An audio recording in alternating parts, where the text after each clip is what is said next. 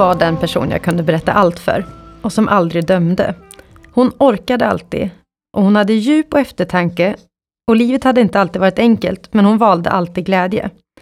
Hon var den fysiskt och psykiskt starkaste kvinna jag har träffat. Hon var cool i sin traktor, vacker när hon bakade i sitt kök, fantastiskt mysig att ligga i knät hos framför TVn, oavsett om jag var fem år eller 15 år. Hon hade råd om allt. Hon hade så oerhört lena, ådriga, starka, men ändå sköra händer. Jag brukade fundera på allt hennes händer hade nuddat. Allt de fått vara med om.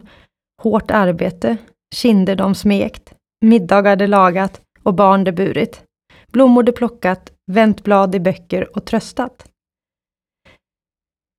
Hon njöt av sina vackra rabatter, som hon slet hårt i, men som hon också utan att tveka grävde igen när hon inte längre orkade och njöt sen istället av en bekymmersfri gräsmatta.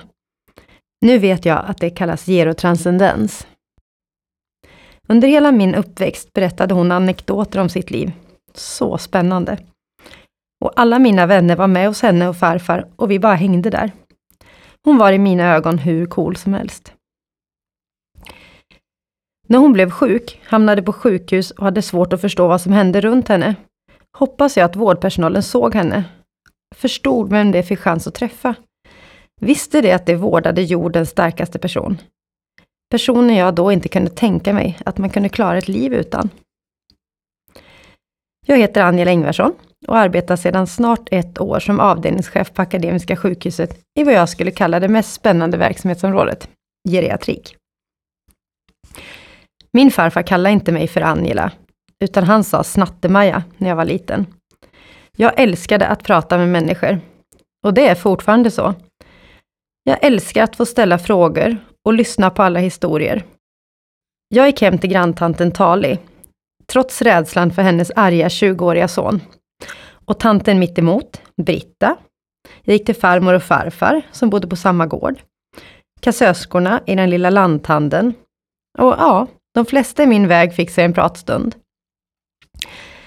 Gällande besöken hos Tali, Britta och farmor och farfar kan man tänka sig att det var fikat som lockade när man var liten. Vilket säkert var en del av det.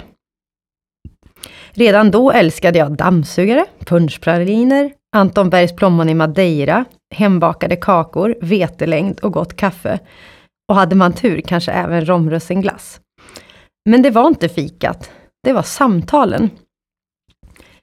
De absolut bästa stunderna var att få följa med farmor och farfar till farfars mamma Teli, som då var över 90 år, eller till farmors syster Tora, och bara få vara med och höra dem berätta om livet, att få ställa tusen frågor och att få sammanfattning av ett levt liv och av liv som fortfarande levs, men med ett livs erfarenhet.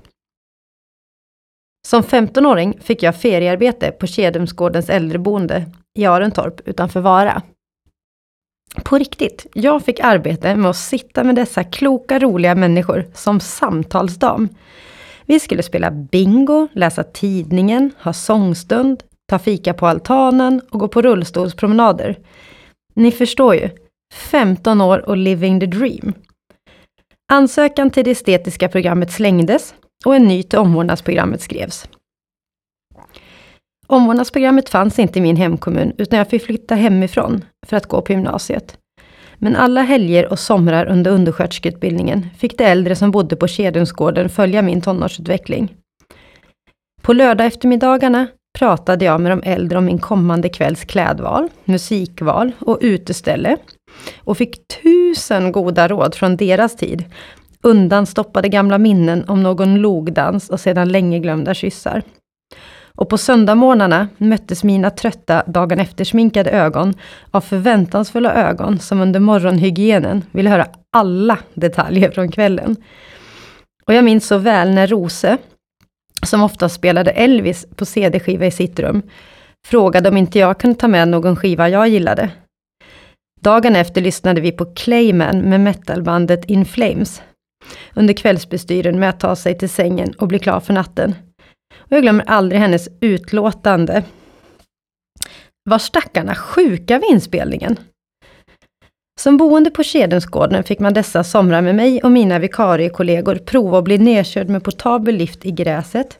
Någon fick falla ur rullstolen i en alltför brant backe. De fick vara med kräftskivor, styrdans och diskodans. Sova utomhus på lunchvilan. Erik, 86 år, och jag tog en tur på min första kåta.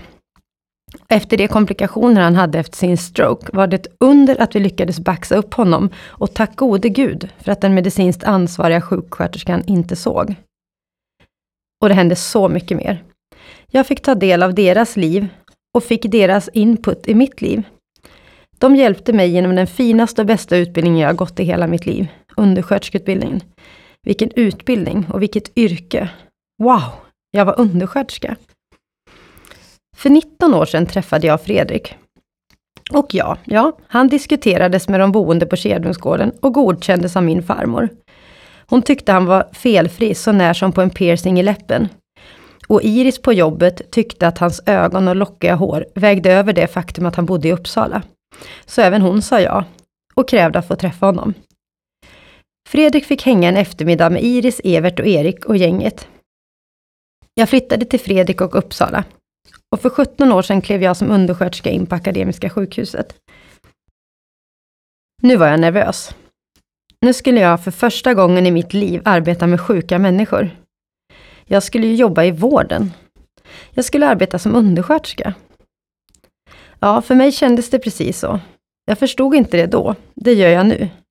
Men jag återkommer till det. Fyran 1, Gunilla, född 53, bröstcancer. Fyran 2, jag kunde inte höra någonting. Femman två.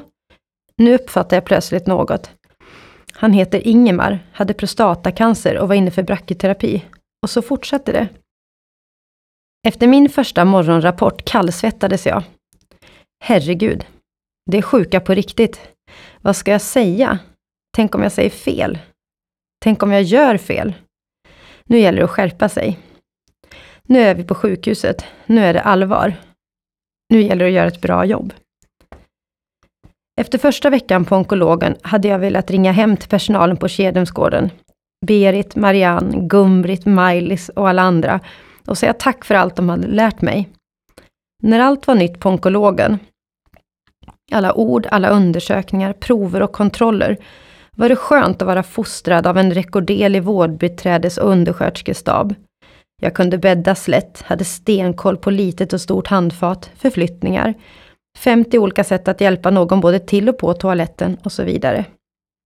Jag kunde prata med alla patienter om väder och vind och om allt annat runt sjukdomen. Onkologen var toppen. Jag verkligen trivdes där. Och personalen var så generös i att lära ut och visa. Och det var fantastiska på att se människan bakom diagnosen. Men för mig tog det lite tid att vänja mig vid sjukhusets effektiva sätt att snabbt få en bild av patienten och vad som skulle göras. Balansen mellan patient och person. Jag insåg att jag älskade att arbeta med omvårdnad. Och att det jag alltid tyckt om och fascinerats av är grunden till omvårdnad. Samtalen. Att få ta del av det levda livet. Sjuksköterskeutbildningen ger en omvårdnadsexamen. Och jag kunde alltså läsa en utbildning där jag skulle få fördjupa mig i omvårdnad. Sjuksköterskeutbildningen är exakt det man ska gå om man vill ha ett garanterat givande yrkesliv och vill ha verktygen i att vara stödet i att hantera diagnoser som drabbar en människa. Att arbeta med omvårdnad är att arbeta med det utfall olika diagnoser får i olika människors liv. Och omvårdnad bygger på att möta en människa. Under utbildningen bollade jag det jag fick lära mig med farmor. I en uppgift intervjuade jag henne. Vi skulle öppna med frågan, vad är det viktigaste för dig? Hon svarade snabbt och kort. Att få vara med varann. Och under fortsatta frågor blev det så tydligt för mig att det i min roll som sjuksköterska skulle handla om att möjliggöra för människor att kunna fortsätta göra det som är viktigt för dem, trots de diagnoser de mött. Under min tid på onkologen var jag med i TV. En serie om sjukhuset. Det var en lärdom i sig.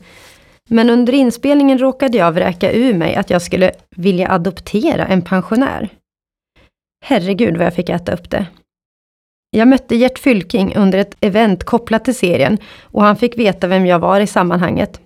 Blev presenterad som undersköterskan i serien från Nackis. Han frågade mig om adoptionserbjudandet kvarstod och sa att han fyllt 65. Men mest fick jag negativ återkoppling, vilket jag förstår, det kom ut fel. Min farmor, som såklart såg programmen, sa till mig att jag om någon borde väl veta att äldre är vuxna människor och inte någon man adopterar. Vi är väl inga barn? Hon kunde efter samtalet förstå vad jag menat. Och lite sitter den tanken i. Jag skulle kunna säga samma sak igen. Jag tror också att det slank ut något om att de var lena. Jag gillar att umgås med äldre personer och känner att livet är roligare när man omger sig med människor som har levt. Oftast är samhället uppdelat. Med min sjuksköterskeutbildning hade jag nu möjlighet att välja var jag vill arbeta och med vad. Och jag valde.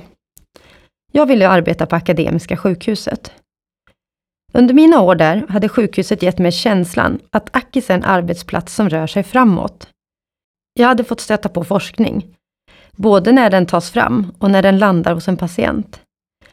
Förändringar i sätt att arbeta, både i det stora och det lilla. Från en stor expedition till vårdlagsexpeditionen närmare patienten. Från pappersjournal till datajournal. Exemplen är många. Och jag kände mig oerhört stolt över min anställning på Akademiska sjukhuset. Så platsen var given. Och målgruppen var självskriven, geriatriken. Då behövs ju ingen adoption. Jag får det på jobbet. Nu hade jag förstått varför jag inte riktigt hade känt att jag arbetat i vården under min tid på Skedhemsgården. Under mina år där mötte jag människor. De behövde min hjälp och jag vårdade dem. Men jag uppfattade dem inte som sjuka. Det var ingen av dem som första gången såg mig och sa Hej, jag heter Inga och jag har haft en stroke. Nu är jag inkontinent och har en stor fall och trycksårsrisk. Jag var ung och utan kunskap. Och vi hjälpte på nätterna våra boenden att vända sig när de larmade om hjälp. Annars beroende på vad det stod på deras scheman på dörren. Jag tänkte att det var för att det var skönt att få vändas, bytas på och få gå på toaletten och få något att dricka på natten när man inte kan det själv. Under min första dag på Kedemsgården presenterade en av de boende sig för mig. Det är jag som Inga. Jag hörde att du skulle börja här. Du är visst Bengts dotter. Honom hade jag som elev i småskolan. Han hade svårt att sluta skratta på lektionerna, men han var min favorit. Ingen blev presenterad som 4-1 Gunilla, född 53, bröstcancer. Genom arbetsliv och erfarenhet förstod jag nu att äldre, både på Kedumsgården och på geriatriken, är sjuka. Väldigt sjuka. Men att allt handlar om att se det friska och möjliggöra för det viktiga. De äldre som jag möter är oftast de mest sjuka och sköra äldre. En screening är viktig för att kunna fånga generell information och generell prognos. Det är ett verktyg för att optimera bibehållandet av funktioner och ge rätt vård till rätt person. Att screena som skör är högst förenligt med att vara starkast. Hade någon sagt till mig när jag var 20 år att min farmor var skör, skulle jag inte trott att den personen var klok. Nu hoppas jag att man tog hänsyn till hennes skörhet, så att den screenade skörheten gjorde det möjligt att se hennes styrka. Många studier har gjorts och frågan har ofta ställts till det som är det allra äldsta. Vad har du gjort för att bli så gammal? En man på 97 år sa till mig, jag som var så späd som liten, att jag skulle visa mig vara starkast av allihop, det trodde jag inte. Det har alltid funnits personer i vården som arbetat personcentrerat. Och det är vad hela det här sommarpratet egentligen handlar om. Personcentrerad vård. Att se människan, ha fokus på samtalet och att alla personer vet vad som är viktigast för dem. Och för de som arbetar på det sättet kan det tyckas självklart. Och jag trodde mig höra dit. Att arbeta på geriatriken är allt annat än lugnt. Det är hands-on i akuta situationer, mycket medicintekniskt, mycket läkemedel, svårt sjuka patienter. PM stämmer inte längre, allt måste skräddarsys. Det kräver hög kunskap hos sjuksköterskor och man behöver använda hela sin kompetens. För mig blev det överväldigande. Det är ett kvällspass, jag har fullt upp. Jag och mina kollegor hinner inte svara på ett larm innan nästa redan larmar. Droppåsar avlöser varann och jag går in till en patient för att ge läkemedel. Jag känner mig stressad. Jag lutar mig fram och nästan vrålar henne i örat med en tydlig artikulation, som hon ändå inte kunnat se. Jag hade ju ansiktet i örat på henne. Kan du sätta dig upp? Du ska få dina tabletter. Mannen jag var hos innan hörde nästan ingenting, trots hörapparat, och jag hade tagit med mig volymen till nästa patient. Kvinnan puttar bort min axel och tittar på mig. Hon säger i dov ton, långsamt och lika väl artikulerat som jag. Jag är 92 år, synskadad och har ont. Jag är inte döv. Jag skämdes ihjäl. Vad hade jag gjort? Jag hade gått in till en patient för att utföra ett moment. Ge läkemedel. Istället för att gå in till Elisabeth som behövde smärtlindring. Jag tänkte genast, han jag var hos innan. Funkar verkligen hans hörapparat? Jag hade ju inte kollat. Bara pratat högre.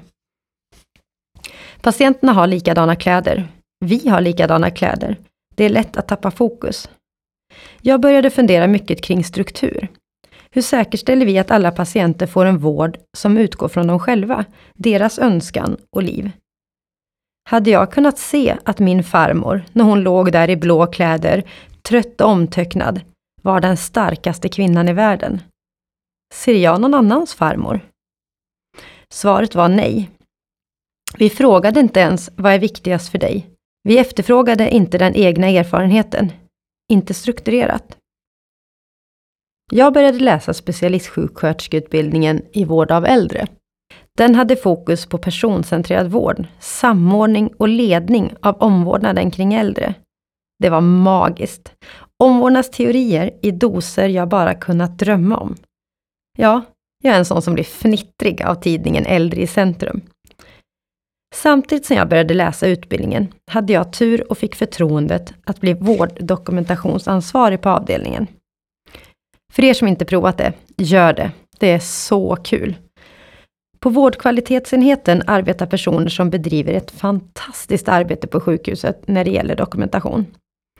Det fungerar precis så som man vill att det ska funka. Är man intresserad ger de en förtroende att få engagera sig. Det lär ut och involverar. Och kommer man på en idé ser det över möjligheten att genomföra den. Och omvårdnaden som ämne diskuteras och vrids på. För att sedan kunna landa i en vårdplan som kan fånga det viktiga samtidigt som den är effektiv.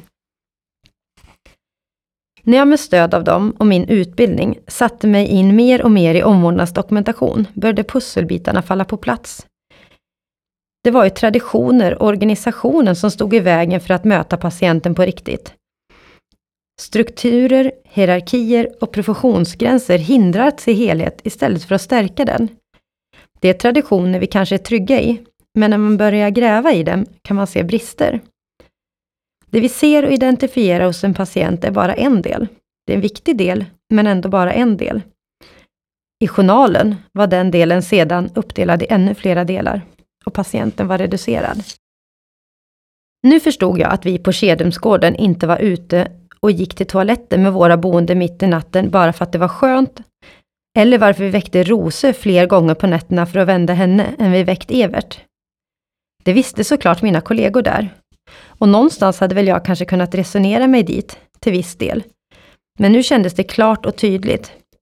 Att bara veta att personen har fallrisk säger inte mycket till exempel inte vad jag ska göra åt det. En vårdplan för fallrisk bygger på samtal och klinisk blick. Och i den bästa av världar hade samtalet hållits över en kopp kaffe och dammsugare. Men sker ofta samtidigt som jag kopplar ett antibiotikadropp. Eller när jag ger de 22 tabletterna över frukosten. Men det viktiga är att samtalet handlar om vad som utgör fallrisk för just den personen och vilka egna strategier den personen har. Det finns massor av evidensbaserade fallriskåtgärder, men i praktiken kan vi inte sätta in alla dem på alla patienter med fallrisk. Det gäller att skräddarsy. Det gäller att se vem som är den starkaste kvinnan i världen. Och vem som är livrädd för ett fall. Vem som inte bryr sig om att bli stilla och vem som ska gå ut och förändra världen. En patient som var över 90 år och väldigt sjuk kom in till oss efter en lång tids försämring i sitt tillstånd. Han låg bara på sidorna med benen uppdragna. Han hade ett lågt BMI och ganska insjunket ansikte. Han lades in för palliativ vård. Han var ganska tystlåten. Han hade lyckats ringa konditori Fågelsången och en taxi för leverans av tårtor till oss i personalen. Få av oss trodde nog att han skulle orka ordna det. När jag öppnade locket till en av tårtorna, ja, jag var först där, blev jag helt förstummad och kunde inte hålla tillbaka tårarna. På tårtan stod det inte tack eller glad sommar. Det stod jag älskar livet.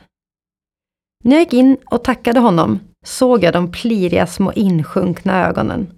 De sprakade. Hur hade jag kunnat missa det? Hur skulle vi kunna ha fångat gnistan? Under mina år på geriatriken har jag haft möjlighet att få ta del av förändringar som drivits av nya vårddokumentationsriktlinjer, nya roller, bättre madrasser, ombudsansvariga som kommit med nya riktlinjer och PM, ett fantastiskt trycksårsarbete. Jag har sett att sjukhuset har resurser att förändra. Jag har också sett mina kollegor kämpa tillsammans i tuffa situationer med överbeläggningar, covid, magsjukutbrott och annat. Och jag har också fått förtroende att få vara med och förändra och prova nya roller och införa nya arbetssätt. Jag har haft ledare som har trott på mig och gett mandat. Jag har fått vara med om att påbörja de första tappra försöken till struktur för att ge en personcentrerad vård. Vi införde hälsoplaneringssamtal och förändrade inskrivningssamtalen och såg över hur vi arbetade tillsammans med patienter där den skulle vara en självklar deltagare. Många års arbete landade i att jag fick ställa frågan strukturerat. Vad är viktigast för dig? Och att svaret landar i en plan. En plan som betyder något och som ger både patient och personal riktning i vården. Och efter att vi börjat med detta har jag hundra gånger kvittrat in till mina kollegor Elmebring och Indus, som är lika barnsligt förtjusta, och sagt Alltså damen på 401, hon borde skriva en bok. Återigen, 40 år och living the dream. Det var början. Nu bubblar tankarna och känslorna. Hur plocka ut rätt saker ur ett samtal med någon som har svårt att minnas? Eller någon som har svårt att få ihop tid och rum för att hjärnans tröskel till förvirring blivit lägre? Att lyckas hjälpa någon med kognitiv svikt på ett bra sätt är en av de bästa känslor man kan ha. Det är arbetsglädje för mig. Jag stod utanför en sal för många år sedan och tittade på min kollega Abeba. Hon var inne hos en man som var rädd och orolig. Det visade sig ofta som aggression. Hon lyckades få honom så fin. Han fick tvätta sig, han speglade sig och såg nöjd ut. Det var som ett konststycke. Hon var så lätt på handen. Använde sitt raka sätt och höga skratt att få honom trygg och få komma nära. Hennes hand som hon la under hans, hans lena fårade hand. Jag kunde inte undvika att fundera på vad den fått uppleva. När det passerade mig med rullstolen på vägen ut sa han spontant till mig. Jag var riktigt snygg som ung. Ofta när jag ser mina kollegor i arbete förundras jag över all den tysta kunskap de sitter inne med. Vilka under de genomför varje dag. Jag älskar när jag hör patienter och personal skratta tillsammans. Jag älskar de små kommentarerna i korridoren, munhuggen under en pickline-omläggning, delade tårar under samtalet i duschen, blickarna och tummen upp när någon reser sig med gåbord. Jag har förmånen att nu få följa spännande projekt och arbeten som drivs på geriatriken.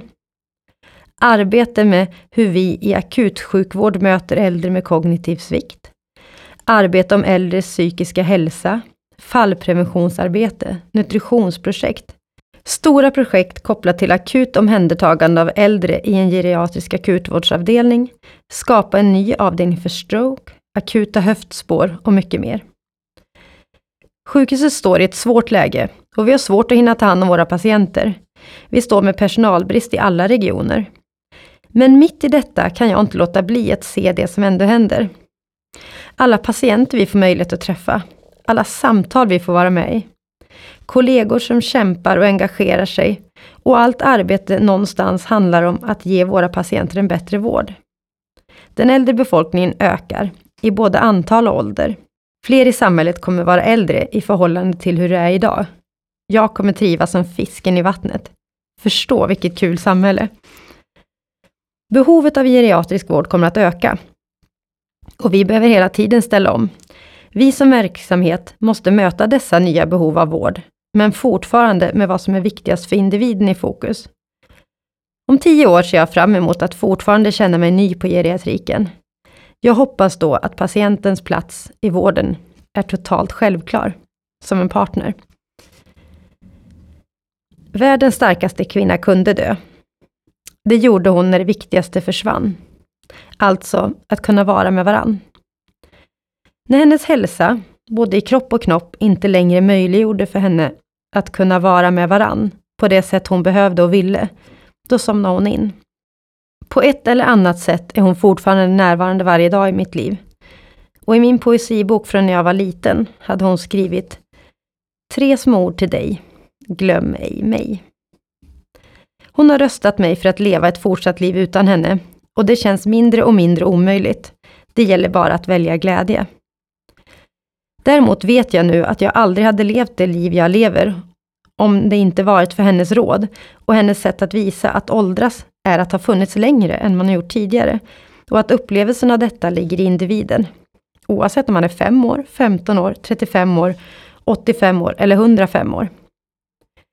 Har ni förresten tänkt på det? Det är 20 år mellan 85 och 105. Man hinner fika mycket plommon i Madeira. Man hinner få barnbarnsbarn. Man hinner med en generation. 20 år är en lång tid. Det är halva mitt liv. Hela mitt vuxna liv. Nästan hela det här sommarpratets händelser har rymts inom 20 år.